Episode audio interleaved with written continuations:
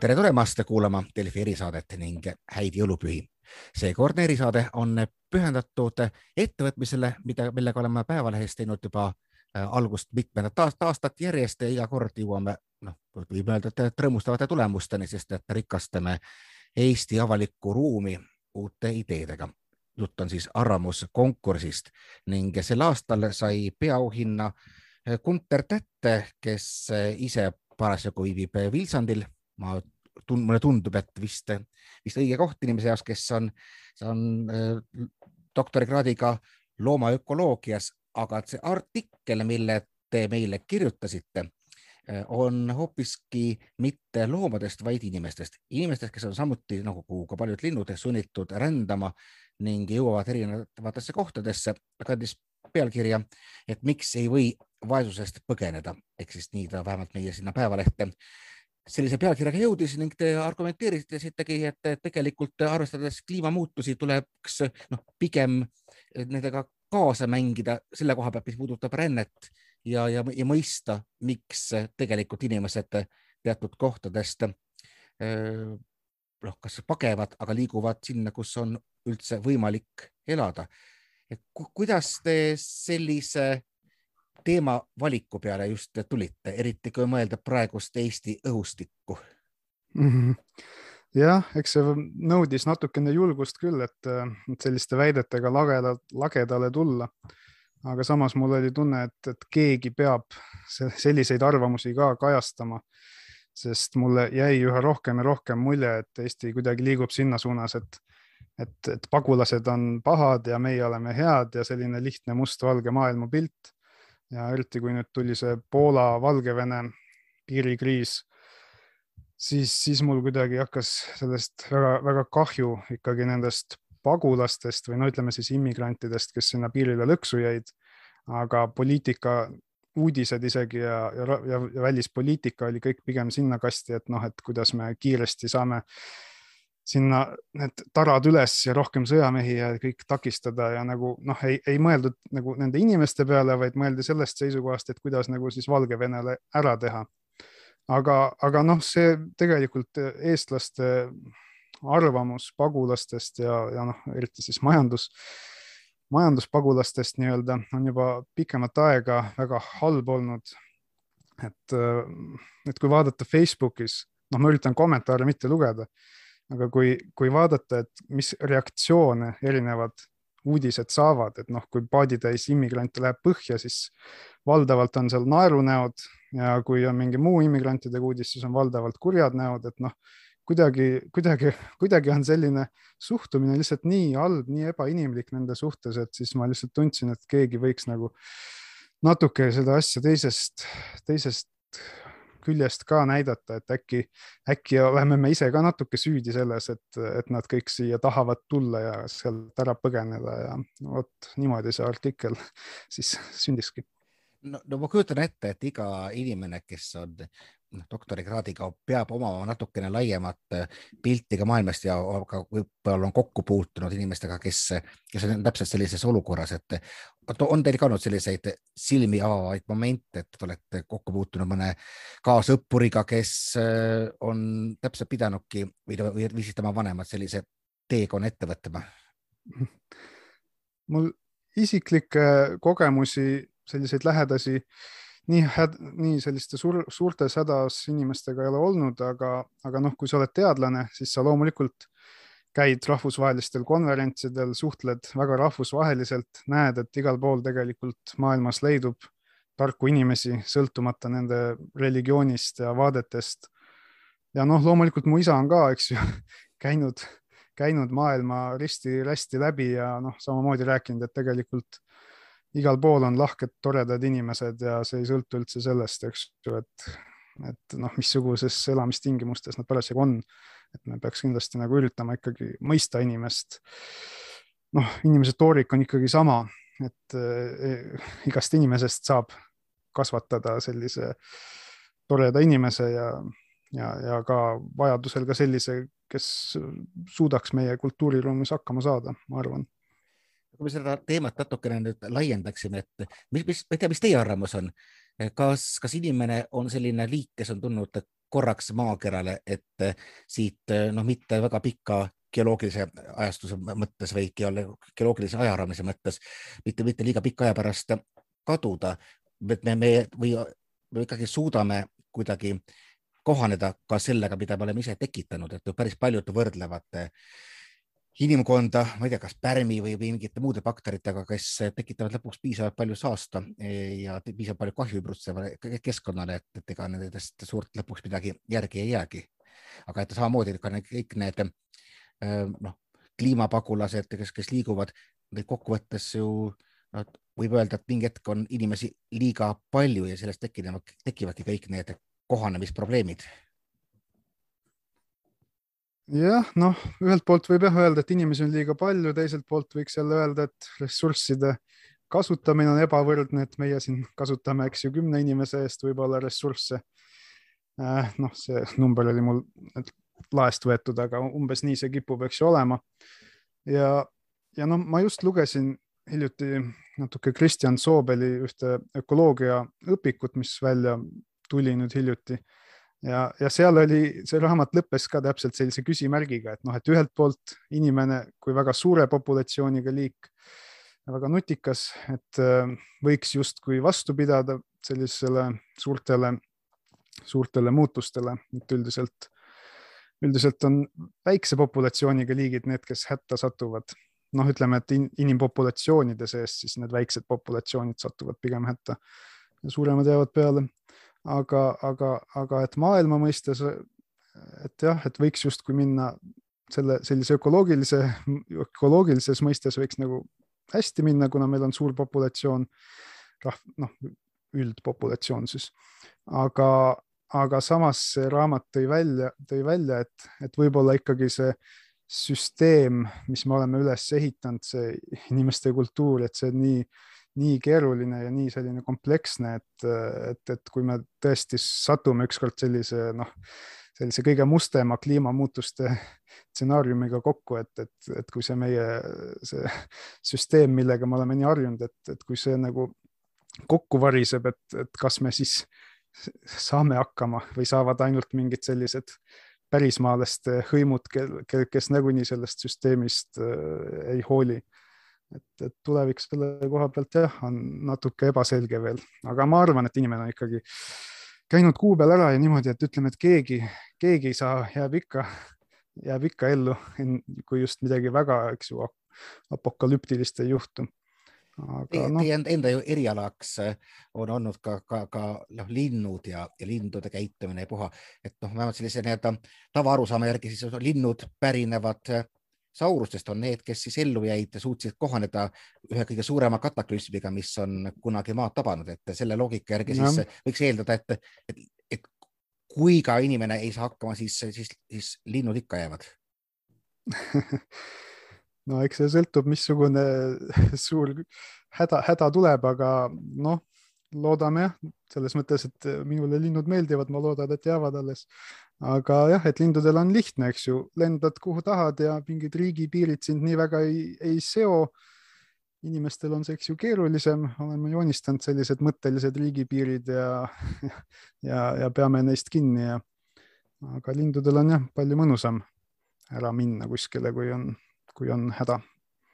nojah, et kui, kui ma mõtlen sama sellise artikli loogika peale, siis te ütlesite ka, et noh, tegelikult võiks olla inimestel ikkagi sünnipärane õigus mitte jääda nendesse piiridesse, mis on kuskil suvaliselt kaardile kunagi joonistatud ja, ja, ja liikuda ka mujale. et noh, olemuselt noh, praegusel hetkel, kui me räägime globaliseerumisest, siis see ei ole väga populaarne, et ikkagi jällegi ikkagi ütlesin, et ikkagi rahvusriik ja rahvusriik on demokraatia alus ja nagu, nagu tagasi sellisele ruudule, no mitte võib-olla ruudule A, aga ruudule B või C, aga ma saan siis teist aru, et ikkagi teie nägemuses ikkagi mingisugune globaalne valitsus, kus noh, kellegi maha tõmmatud joon ei ole inimesele määratud eluaegne vangla, võiks ikkagi olla siis selline süsteem, mis oleks vähem komplekssem ja mida, millega inimkond tegelikult hakkama saaks, noh, võtame kasvõi kõik need ammused ulmeraamatud, mis kirjutati, kus ikkagi kunagi noh, maakera kui selline on ühtne, võib-olla kosmoses läheb siis omavahel kisklemiseks.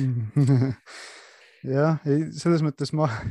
ma, ma küll noh, ausalt öeldes ei usu, et meil sellist, tsentraal, tsentraalset riiki või sellist valitsust tuleks, mis kõike hõlmaks ja et kõik vabaks muutuks.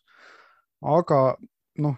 minu arust inimõiguste seisukohast tunduks see jah loogiline, et kui sa oled siia maailma sündinud, siis võiks ju olla igalühel võimalus seda maailma igatepidi näha ja minna sinna, kus tal on parem elu. noh, meil siin arenenud riikides noh, sisuliselt on see võimalus, saame üsna mõnusasti reisida ja viisasid saada ja aga lihtsalt igalühel seda võimalust ei, ei ole tegelikult. ja, ja, ja noh, selle globaliseerumise poole pealt ma ütleks jah, et et rahvusriike on praegu ikkagi sellisel kujul, nagu nad on, nagunii väga raske hoida sellise eraldiseisva, isoleerituna, et noh, see, see, mis äh, interneti, teleka ja igasuguse muu globaalse meedia poolt tuleb, et see mõju kultuurile on kindlasti palju-palju-palju suurem kui see, mis siis teeks mingi väike osakaal immigrante seal riigis. et, äh, et, et, et noh, üldse selle artikliga seoses ma sain üsna palju kriitikat, et, et ikkagi, et noh, et mis siis saab, kui nad, kui need pagulased siia tulevad ja et mis meie kultuurist saab ja et, et see on ju suureks ohuks meie Eesti kultuurile ja eriti just meile, meile, kes me oleme nii väiksed. aga, aga minu, minu jaoks, kes ma olen nagu jah, sellise bioloogia taustaga ja niimoodi, siis ma jah, mõtlen natuke laiemalt, natuke suuremas mastaabis, et noh, kultuur on ju tegelikult nagunii nii kiiresti muutuv, et mis oli Eesti kultuur viiskümmend aastat tagasi, sada aastat tagasi, noh, kakssada, et see muutub nii kiiresti ja nüüd, kui on meil, meil on see globaalne, globaalne meedia, siis, siis see muutumise kiirus on minu arust veel kiirem kui vanasti. ja, ja noh, isegi kui kult, kui ei oleks meedia mõju, siis ikka kultuurid kogu aeg muutuvad ja muutuvad. selles mõttes on võimatu seda nagunii kuskil konservipurki kinni panna et, et selles mõttes äh, ma nagu jah, väga ei usu, et see Eesti kultuuri need immigrandid ohustaks. ja üks mõte mul on siin veel, ma ütleks kohe ära, et, et mis, et mis üldse on, eks ju, kultuur, et, et üks antropoloog äh, näiteks tõi välja, et, et tema arust esimene näide kultuurist ei ole, ei ole mitte see, kui leiti mingi esimene savipotikild või midagi sellist, vaid hoopis üks äh, viisteist tuhat aastat vana reieluu, äh, mis oli ära paranenud. et reieluu murd on selline hull asi, et see võtab mingi kuus nädalat aega, et see ära paraneks ja siis inimene on suht äh, nagu audis terve aeg ja siis järelikult keegi peab tema eest hoolitsema sel ajal, kui tema ise ei saanud enda eest hoolitseda.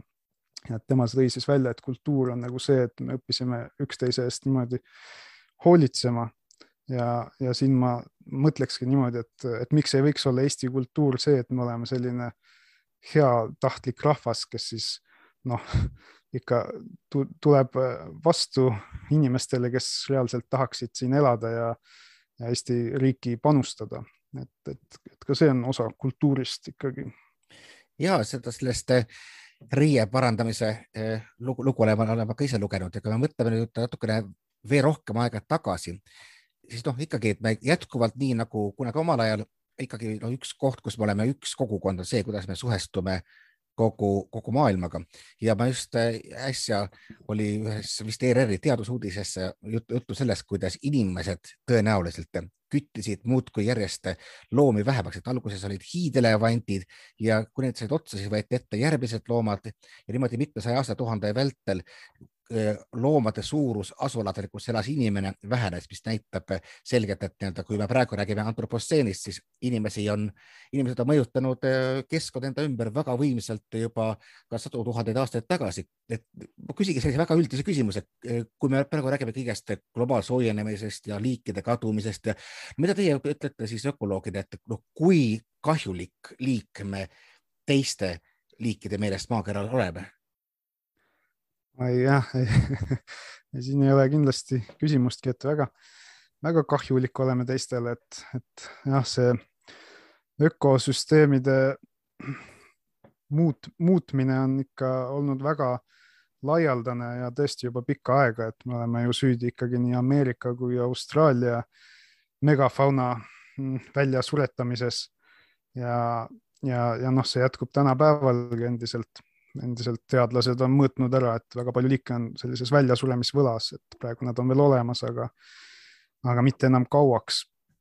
et, et selles mõttes ei ole küsimustki, et, et see on ka üks põhjus, miks ma kunagi nii-öelda ök ök ökoloogiks tahtsin saada, et, et, et ikkagi päästa, päästa loodust, päästa linde. aga, aga noh, see, see on ka selline, et et sellega on kuidagi raske, raske on inimesi mõjutada nagu neid liike kaitsma ja loodust kaitsma, et, et nüüd see, nüüd see süsinikust rääkimine ja kliimamuutustest rääkimine, et noh, et see nagu inimestele jõuab tegelikult rohkem korda, et, et see justkui mõjutaks neid ka nagu otsesemalt. ja et siis selle kaudu on natuke lihtsam võib-olla inimesi mõjutada keskkonnasäästlikumalt käituma aga mina isiklikult nagu tunnen tegelikult rohkem muret ikka jah, selle liikide kadumise ja ökosüsteemide halvenemise pärast, et need on nagu sellises pikas plaanis valusamad kaod, et kui liik on ikkagi miljoneid aastaid olnud ja siis järsku teda ei ole, siis sellest, see on ikka väga suur kadu võrreldes sellega, kui sul mingi noh, suhteliselt värske kultuuriline nähtus ära kaob. jah no, sellele on samasuguseid, samasuguseid vulgaarseid vastuseid, nagu on kliimamuutustele, et noh, eks ikka kliima muutunud ja päike soojeneb ja, ja tüüpiline vastus on, et aga liikid on ju kadunud ja tekkinud uuesti kogu aeg, et kas nii-öelda siis ikkagi praegune antropotseen on selle koha pealt eh, eriline? no kindlasti jah, selles mõttes, et minu arust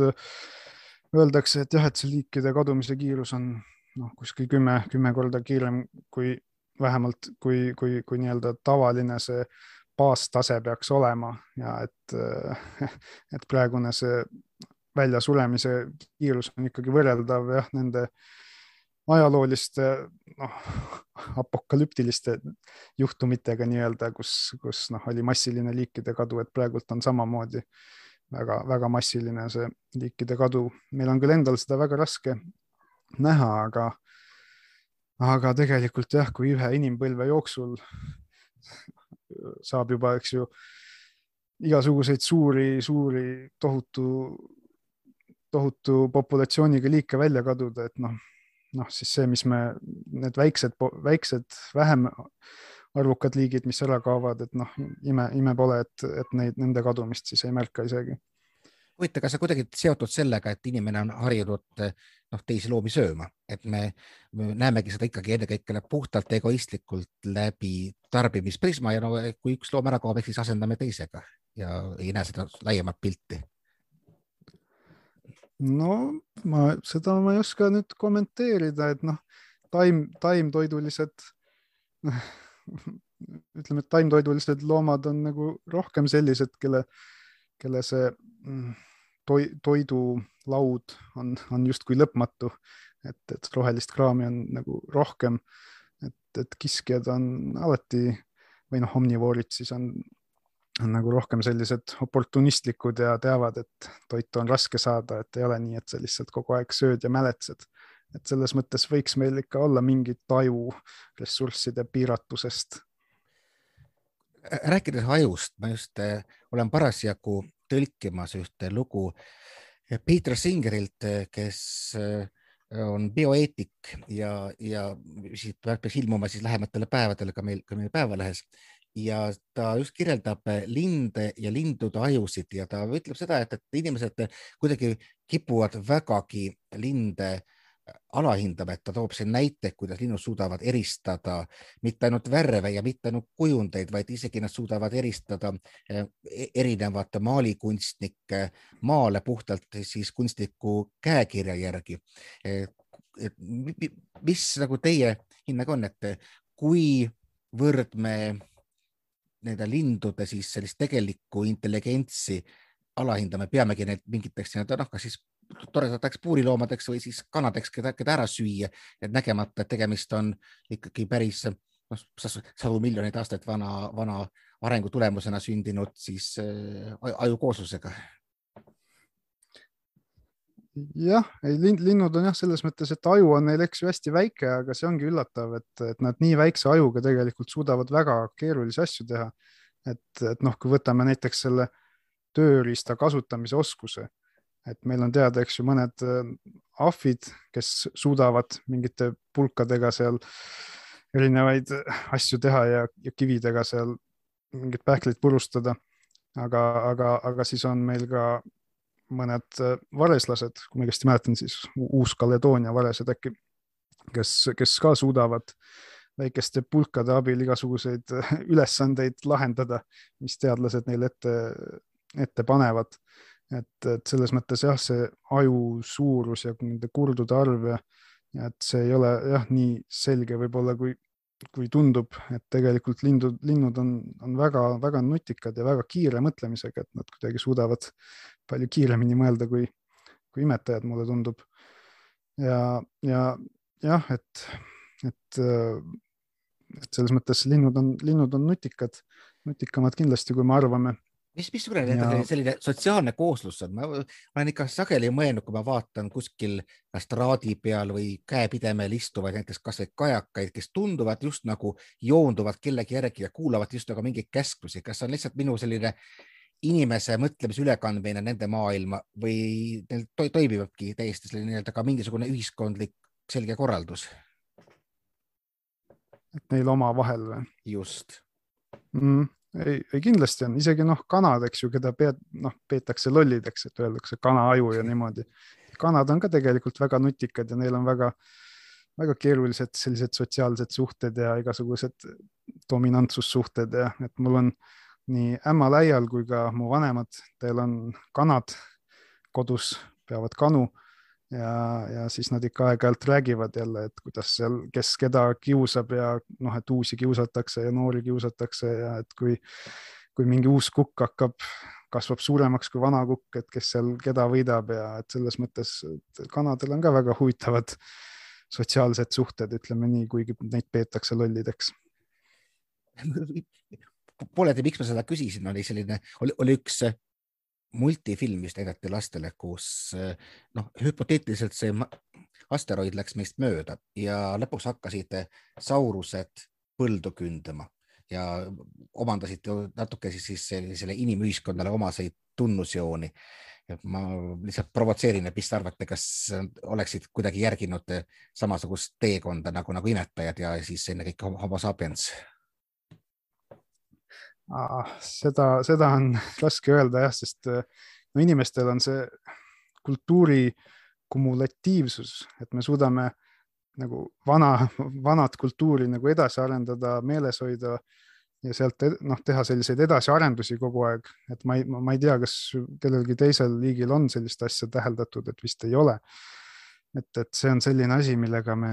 jah, eristume ja noh, see on ilmselt jälle selline väike äh, juhuslik äh, mutatsioon, mis peab tekkima, et sa suudaksid sellist kultuuri kogu aeg edasi arendada ja, ja et selles mõttes teoreetiliselt on võimalik muidugi, et, et mingite juhuslike mutatsioonide alusel hoopis mingi teine liik, kellel on potentsiaali aju poolest,